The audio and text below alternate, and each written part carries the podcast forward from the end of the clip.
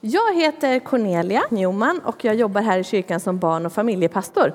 Jag tycker det är jättekul att få gå på gudstjänst en gång här för att jag brukar oftast vara på gudstjänst där ute och inte här inne. Men idag så har jag fått förmånen att få predika och vara med på den här gudstjänsten. Och det är spännande.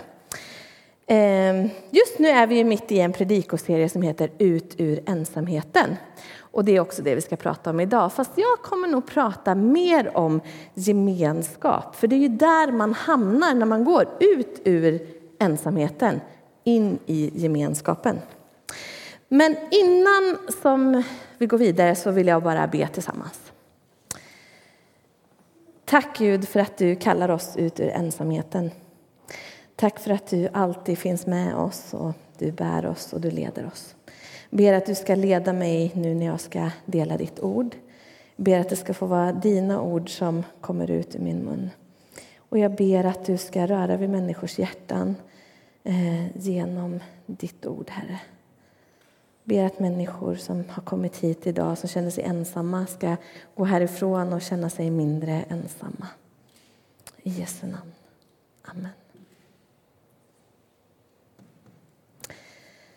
Gemenskap då. Ja, det tänker jag är ett av de mest grundläggande mänskliga behoven.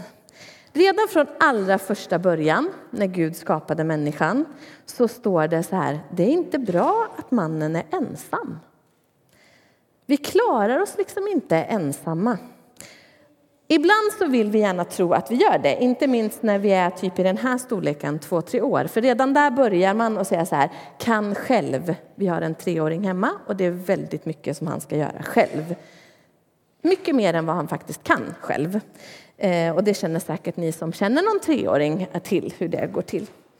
Eh, och det är såklart bra att vi övar oss på att göra saker själva och att frigöra oss från våra föräldrar så att vi liksom blir egna individer. Det är en del av livet och att växa upp. Men jag kan känna att i vårt individualistiska samhälle så har vi ibland låtit det gå liksom för långt och överstyr. Vi fortsätter liksom att frigöra oss hela, hela tiden och tror att vi ska klara oss själva. Men hur mycket vi än försöker så kan vi inte komma ifrån att vi faktiskt inte gör det. Vi behöver varandra, inte bara för så praktiska saker, för det har jag tänkt på någon gång. Hur mycket saker är det man egentligen gör själv? Har ni funderat på det? Så här, ett par skor, liksom. Hur stor del av det har jag gjort? Typ ingenting. Jag måste ju, alltså, vi måste ju hjälpas åt. Liksom. Så det praktiska tänker jag är rätt uppenbart för de flesta. Men förutom det så behöver vi också varandra för att vi liksom har en längtan efter samhörighet och gemenskap. Det finns forskning som visar att spädbarn de blir faktiskt deprimerade om de inte får adekvat anknytning. Om man bryter den där gemenskapen mellan en nära förälder och ett spädbarn och inte upprättar den igen, då blir barn deprimerade. Och I veckan så såg jag ett inlägg från Svenska Dagbladet om ofrivillig ensamhet. De menar att det är farligare med ofrivillig ensamhet än med att röka, dricka alkohol eller att vara stillasittande. Det handlar liksom om ett folkhälsoproblem. Och chansen till ett långt liv, enligt Svenska Dagbladet, ökar med 50 procent om man inte är ensam, utan man har gemenskap. Alltså med starka sociala band var det de uttryckte det. Ja. Och det här är ju liksom inget nytt påfund. Det är inte så att vi kom på det här nu eh, 1987, utan ända från början så fanns gemenskapen. Gud själv, han liksom uppfann gemenskapen kan man väl säga inom sig själv. För redan när världen skapades och människorna blev till så fanns gemenskapen inom Gud. Vi kan läsa på första sidan i Bibeln hur Gud talar om sig själv som vi. Han är gemenskap. Vi ska göra människor som är vår avbild lika oss. Och på så sätt tänker jag att man kan säga att all gemenskap utgår ifrån Gud. Det är liksom den bästa grunden för vår förståelse för vad sant kärleksfull gemenskap är. Den kommer liksom från Gud. Och vi är skapade av Gud med en längtan efter gemenskap och ytterst sett då efter en gemenskap med Gud som inom sig själv är gemenskap. I Andra Korinthierbrevet 13 och 13 så står det så här. Nåd från vår Herre Jesus Kristus, kärlek från Gud och gemenskap från den helige Anden åt er alla.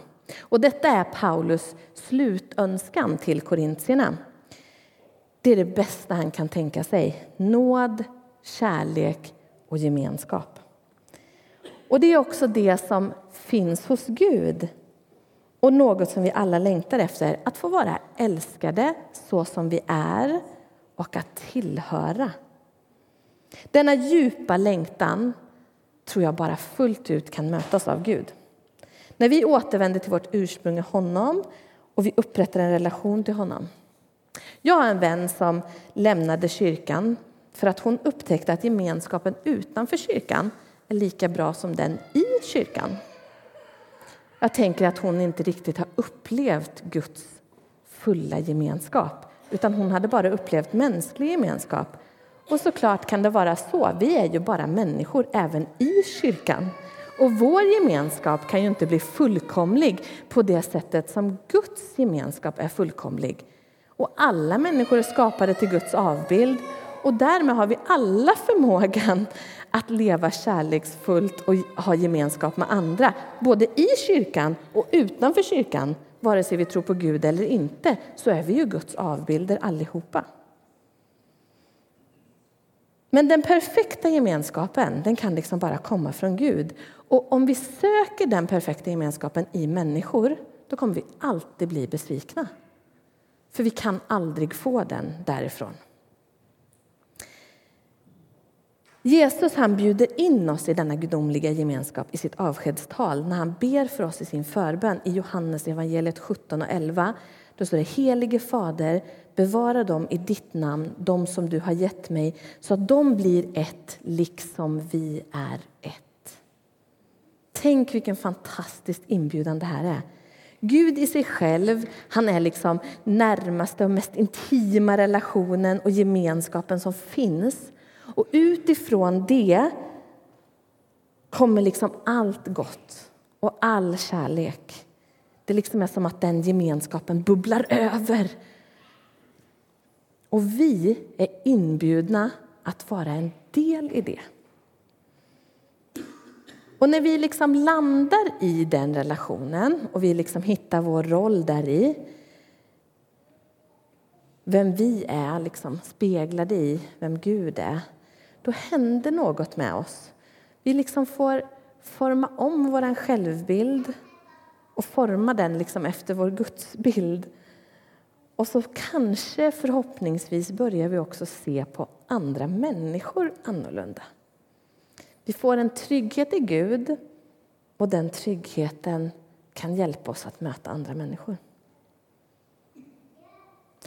Alltså jag tänker att första steget ut ur ensamhet då, det är att bli en del av Guds gemenskap.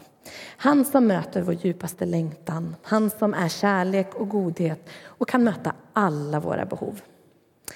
Fast det är ju liksom inte slut där, utan man får gå vidare och så får vi hjälpa andra att hitta ut ur ensamheten samtidigt som vi själva också då kommer allt längre ifrån den ensamheten. Så att de blir ett, liksom vi är ett. Detta är vårt mål. Och som kristen tror jag att alla i någon mån som är kristna eh, försöker att likna Jesus. Jag tänker det ligger ju liksom i ordet att vara kristen. Det kommer från att vara Kristuslik, alltså att vara lik Jesus. Det är någonting som vi strävar efter naturligt. Och därför är det ju också naturligt att vi tittar på Jesus när vi ska se hur vi ska hantera olika frågor. När vi ska liksom lära oss någonting nytt eller utvecklas så bör vi se på hur Jesus gjorde. Och idag tänkte jag att vi skulle titta på ett sådant ställe i Lukas 14. Och där kan vi läsa om när Jesus han var på en fest. Och det hela utspelar sig på en sabbat.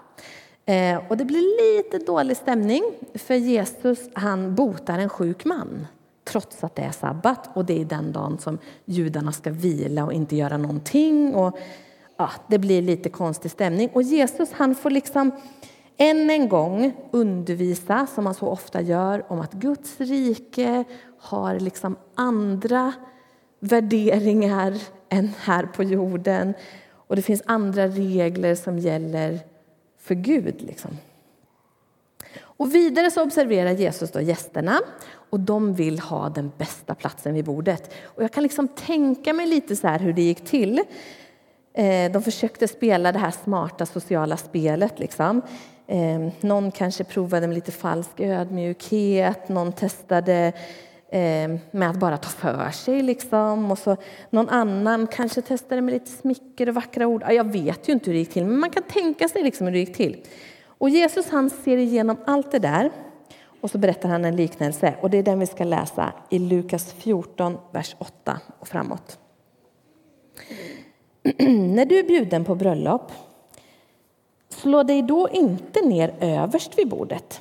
Kanske någon av de andra gästerna är mer ansedd än du. Och värden kommer och säger ge honom din plats. Då får du skämmas när du måste flytta dig längst ner. Nej, när du är bjuden, gå då genast och ta den nedersta platsen så att värden säger till dig när han kommer, käre vän, flytta dig längre upp. Då blir du hedrad inför alla dina medgäster. Den som upphö upphöjer sig ska bli förödmjukad och den som ödmjukar sig ska bli upphöjd. Till sin värd sade han, när du bjuder på middag eller någon annan måltid, bjud då inte dina vänner eller bröder eller släktingar eller rika grannar så att de bjuder tillbaka och det blir din belöning. Nej, när du ska ha fest, så bjud fattiga och krymplingar, lytta och blinda. Salig är du då, eftersom de inte kan ge dig någon belöning. Belöningen får du vid de rättfärdigas uppståndelse. Här handlar det alltså om att Jesus han umgås med den yttersta sociala eliten i hans tid. Eh, de här människorna de har spelat spelet väl, de har tagit sig upp liksom i rang, rangerna. De kan de här hemliga koderna. De känner till liksom rätt språk och hur man ska prata. och så där. Många har säkert jobbat hårt för att få den positionen de har här. Och En del av dem, eller kanske alla, drömmer nog om hedersplatsen i olika sammanhang. Men Jesus han föreslår att allt det här som de har jobbat för är förgäves. Han menar att den status som de samlat på sig inte är värt någonting i Guds rike och att det liksom inte är det som vi ska sträva efter. Igen den här grejen med att Guds rike vänder upp och ner på allting och så är det något helt annat. Ja, hur gör vi då i vår tid? Ja, jag tänker att vi ganska ofta är som de här fariseerna. Vi har liksom fel fokus och vi söker efter framgång på fel områden. När jag läste på universitetet så läste jag sociologi och då läste vi bland annat om Pierre Bourdieu och hans teori om olika sorters kapital. Ekonomiskt kapital, ja det förstår alla, det handlar om pengar. Kulturellt kapital, ja det handlar om så här, hur mycket man kan om konst och att man kan prata bra språk och sådär. Och socialt kapital, alltså vår sociala status och antal vänner. Och förutom det här uppenbara ekonomiska kapitalet som på något vis är nödvändigt så menade Bourdieu att det här kulturella kapitalet var det viktigaste. Men jag skulle vilja hävda att i vår tid så har det sociala kapitalet nästan seglat förbi det kulturella kapitalet. Hur som helst, poängen är att vi människor strävar efter att öka vårt kapital på olika sätt. Och vi gör det för att vi ska kunna använda detta kapital för vår egen vinning, för våra egna syften. Och jag tror att det i någon mån är liksom en del av hur Gud har skapat oss. Att det är meningen att vi ska göra så. Det är inte något fel i att försöka göra sitt bästa i olika situationer och försöka bli bra på det man gör. Det tror jag att Gud vill att vi ska göra. Men två personer som har olika värderingar borde också ha olika syften och mål med det de gör i livet. Och på det sättet så tänker jag att vi kristna och efterföljare av Jesus borde agera annorlunda liksom, än man gör i samhället. Så även om vår kultur och vårt samhälle uppmuntrar individualism, att vi ska klara oss själva och tänka på vårt kapital och hur vi investerar i form av ekonomiskt, kulturellt och socialt för att kanske öka vår status i samhället så är det rimligt att tänka sig att vi ska tänka annorlunda och gå emot det. Vår kultur bör liksom vara annorlunda. Ja, kanske du sitter där och tänker att ja, det där låter ju som jättefina teorier, vad bra. Men hur funkar det i praktiken? Är det ens möjligt att göra det? Liksom? Hur ska man göra? Ja, kanske inte så uppmuntrande, men jag tror faktiskt inte att det helt går. Alltså som jag sa innan, vi människor vi blir aldrig perfekta. Vi kommer inte uppnå det där perfekta resultatet och göra allting precis rätt. Men jag tror ändå att det är en poäng i att vi liksom strävar däråt. Att vi försöker åtminstone att vara annorlunda. Och jag tycker att det känns som att Jesus han lyfter upp tre bra principer liksom, i den här texten eh, som vi läste. Nästan som nycklar till hur man ska spela det här sociala spelet, eller vad man ska säga. Hur man ska liksom jobba med gemenskap. Och den första nyckeln som jag tänker på det är att vi ska möta andra med ödmjukhet. Den som upphöjer sig själv ska bli förödmjukad och den som ödmjukar sig ska bli upphöjd, så säger Jesus. När vi möter människor, som, ja, alla människor, men kanske framför allt människor som är annorlunda än vad vi är, då tror jag det är otroligt viktigt att vi möter dem med ödmjukhet. Och om man liksom sätter in oss själva i ett historiskt perspektiv och så tittar man på hur vi i västvärlden liksom har varit historiskt sett, så är inte det här vår styrka. Alltså, om man tittar på hur vi västerlänningar har rest runt i världen och mött andra kulturer så har det inte varit med ödmjukhet. Och jag tror att det här sitter ganska djupt rotat i oss och att vi ibland fortfarande gör så när vi möter människor från andra kulturer. Vi kommer med en inställning av att vilja utbilda, att vilja utveckla. Vi tror att vi kan lite mer, är lite bättre. Och det här blir ett problem när man möter människor från en annan kultur, för det är helt enkelt inte sant. Vi är inte bättre och vi kan inte mer. Vi kanske kan andra saker men vi kan inte mer. Och därför är ödmjukhet en otroligt viktig nyckel. Och jag tror att det stämmer också när man möts över generationsgränserna. Det är lätt att unga människor kanske blir lite övermodiga och tänker att jag kan och vet allt. Jag kommer ihåg när jag började läsa på universitetet. Jag kände som att jag liksom gick in i en ny värld och att jag helt plötsligt bara var så smart. Liksom. Smartare än nästan alla andra. Eh, det är ju helt fel såklart. Det finns ju många människor som är mycket, mycket smartare än vad jag är. Eh, men man kan bli lite övermodig som ung. Och som äldre så tror jag att man kan liksom luta sig lite för mycket på sin livserfarenhet och tänka eh, jag har provat det förut, jag vet att det inte funkar. Eh, och där blir inget bra möte heller. Så jag tror även i den relationen så är ödmjukhet en viktig nyckel. För alla har vi något att bidra med. Och när man möter varandra med ödmjukhet, då tror jag att man verkligen kan lära av varandra och utvecklas. Men inte förrän man verkligen möts med, i ödmjukhet. Den andra nyckeln som jag ser i den här texten, det är att lämna din comfort zone. Jag kommer inte på något bra ord på svenska, så det blev på engelska. Ursäkta. Jesus utmanar oss att liksom utvidga vår comfort zone, eller att helt enkelt lämna den. Ni vet den där zonen där man känner sig trygg. Man kan de sociala koderna, man vet hur man ska bete sig, man vet hur man ska prata. Men det är inte där Jesus vill ha oss. Han säger så här, när du bjuder på middag eller någon annan måltid, bjud då inte dina vänner eller bröder eller släktingar eller rika grannar. Alla de där som vi känner oss så bekväma med. Ni vet när man liksom bara så kan vara sig själv och man liksom kan slappna av. Och... Nej, istället så utmanar han oss till det mest extrema. De som är så långt ifrån comfortzonen som man kan vara. Nej, när du ska ha fest så bjud fattiga och krymplingar, lytta och blinda. Jag inser att detta inte är politiskt korrekta ord i våran tid. Och jag tror att vi måste se förbi orden och se till vad Jesus menar med det här. För i den tidens kontext, då var de här människorna de som var utstötta, som inte fick vara med.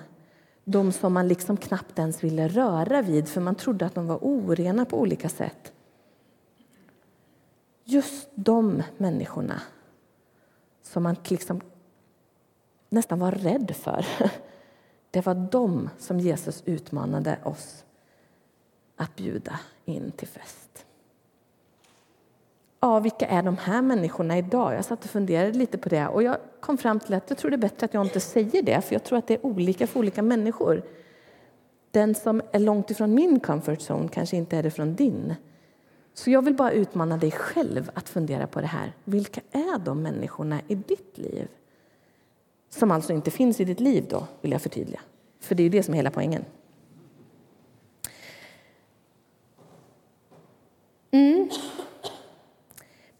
Bjud dem som inte kan ge dig någon belöning. Här tror jag att vi kommer till den tredje nyckeln. Förvänta dig ingenting tillbaka.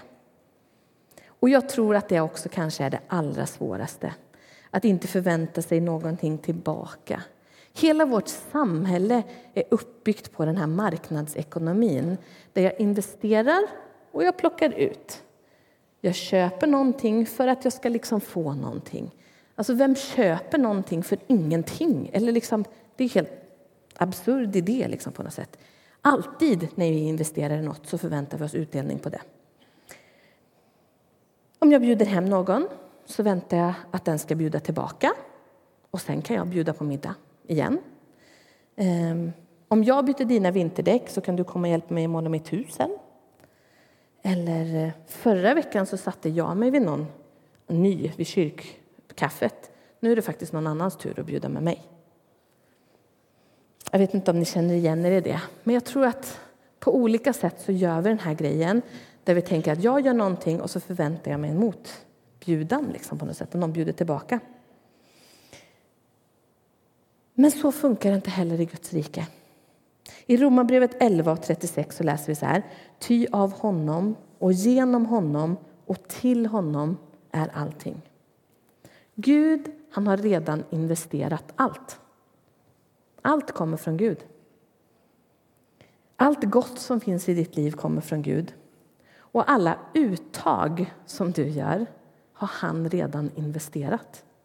Det är inte din investering. Den är redan gjord.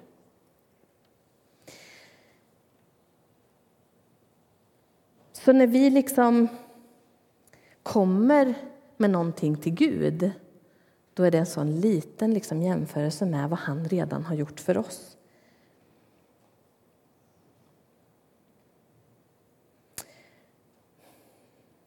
Och därför så tänker jag också att Gud han är liksom vår försörjare. Så de här jobbiga relationerna, när man känner sig så sviken och besviken för att man inte fick den respons som man tycker att man förtjänade eller som man kände att man behövde. Det får vi också komma med till Gud, för det är han som är svaret på det. De människorna som har sårat dig har kanske inte ens förmågan att göra det bra igen. De kanske inte ens förstår att de har gjort något fel. Men Gud, han vet. Det är han som är vår läkare och vår upprättare och vår trofaste vän som aldrig sviker. I Filipperbrevet 4 och 19 kan vi läsa Min Gud ska med sin härliga rikedom i Kristus Jesus fylla alla era behov.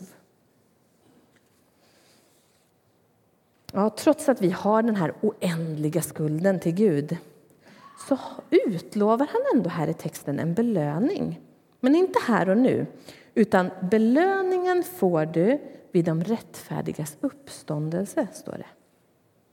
Men här och nu så ska vi inte förvänta oss något tillbaka för vi har redan från början fått allt vi behöver från Gud. Ja, en liten sammanfattning då. Vi behöver alla gemenskap. Vi behöver komma ut ur ensamheten och in i gemenskap. 50% större chans till ett längre liv. Vi har den här, det här djupa behovet av gemenskap. Och all gemenskap har liksom sitt ursprung i Gud som i sig själv är gemenskap. På första sidan i Bibeln så talar Gud om sig själv i vi-form. Ända från början finns gemenskapen med. Vi behöver Gud. Och genom att se på Jesus som exempel så kan vi lära oss mer om gemenskap. Och vi hämtade exemplet i Lukas 14 och 8. Och när Jesus talar om gemenskap så kan vi där hitta tre olika nycklar för, som kan hjälpa oss när vi möter andra människor. Den första är att vi ska möta andra med ödmjukhet. För det är då det sanna mötet kan uppstå.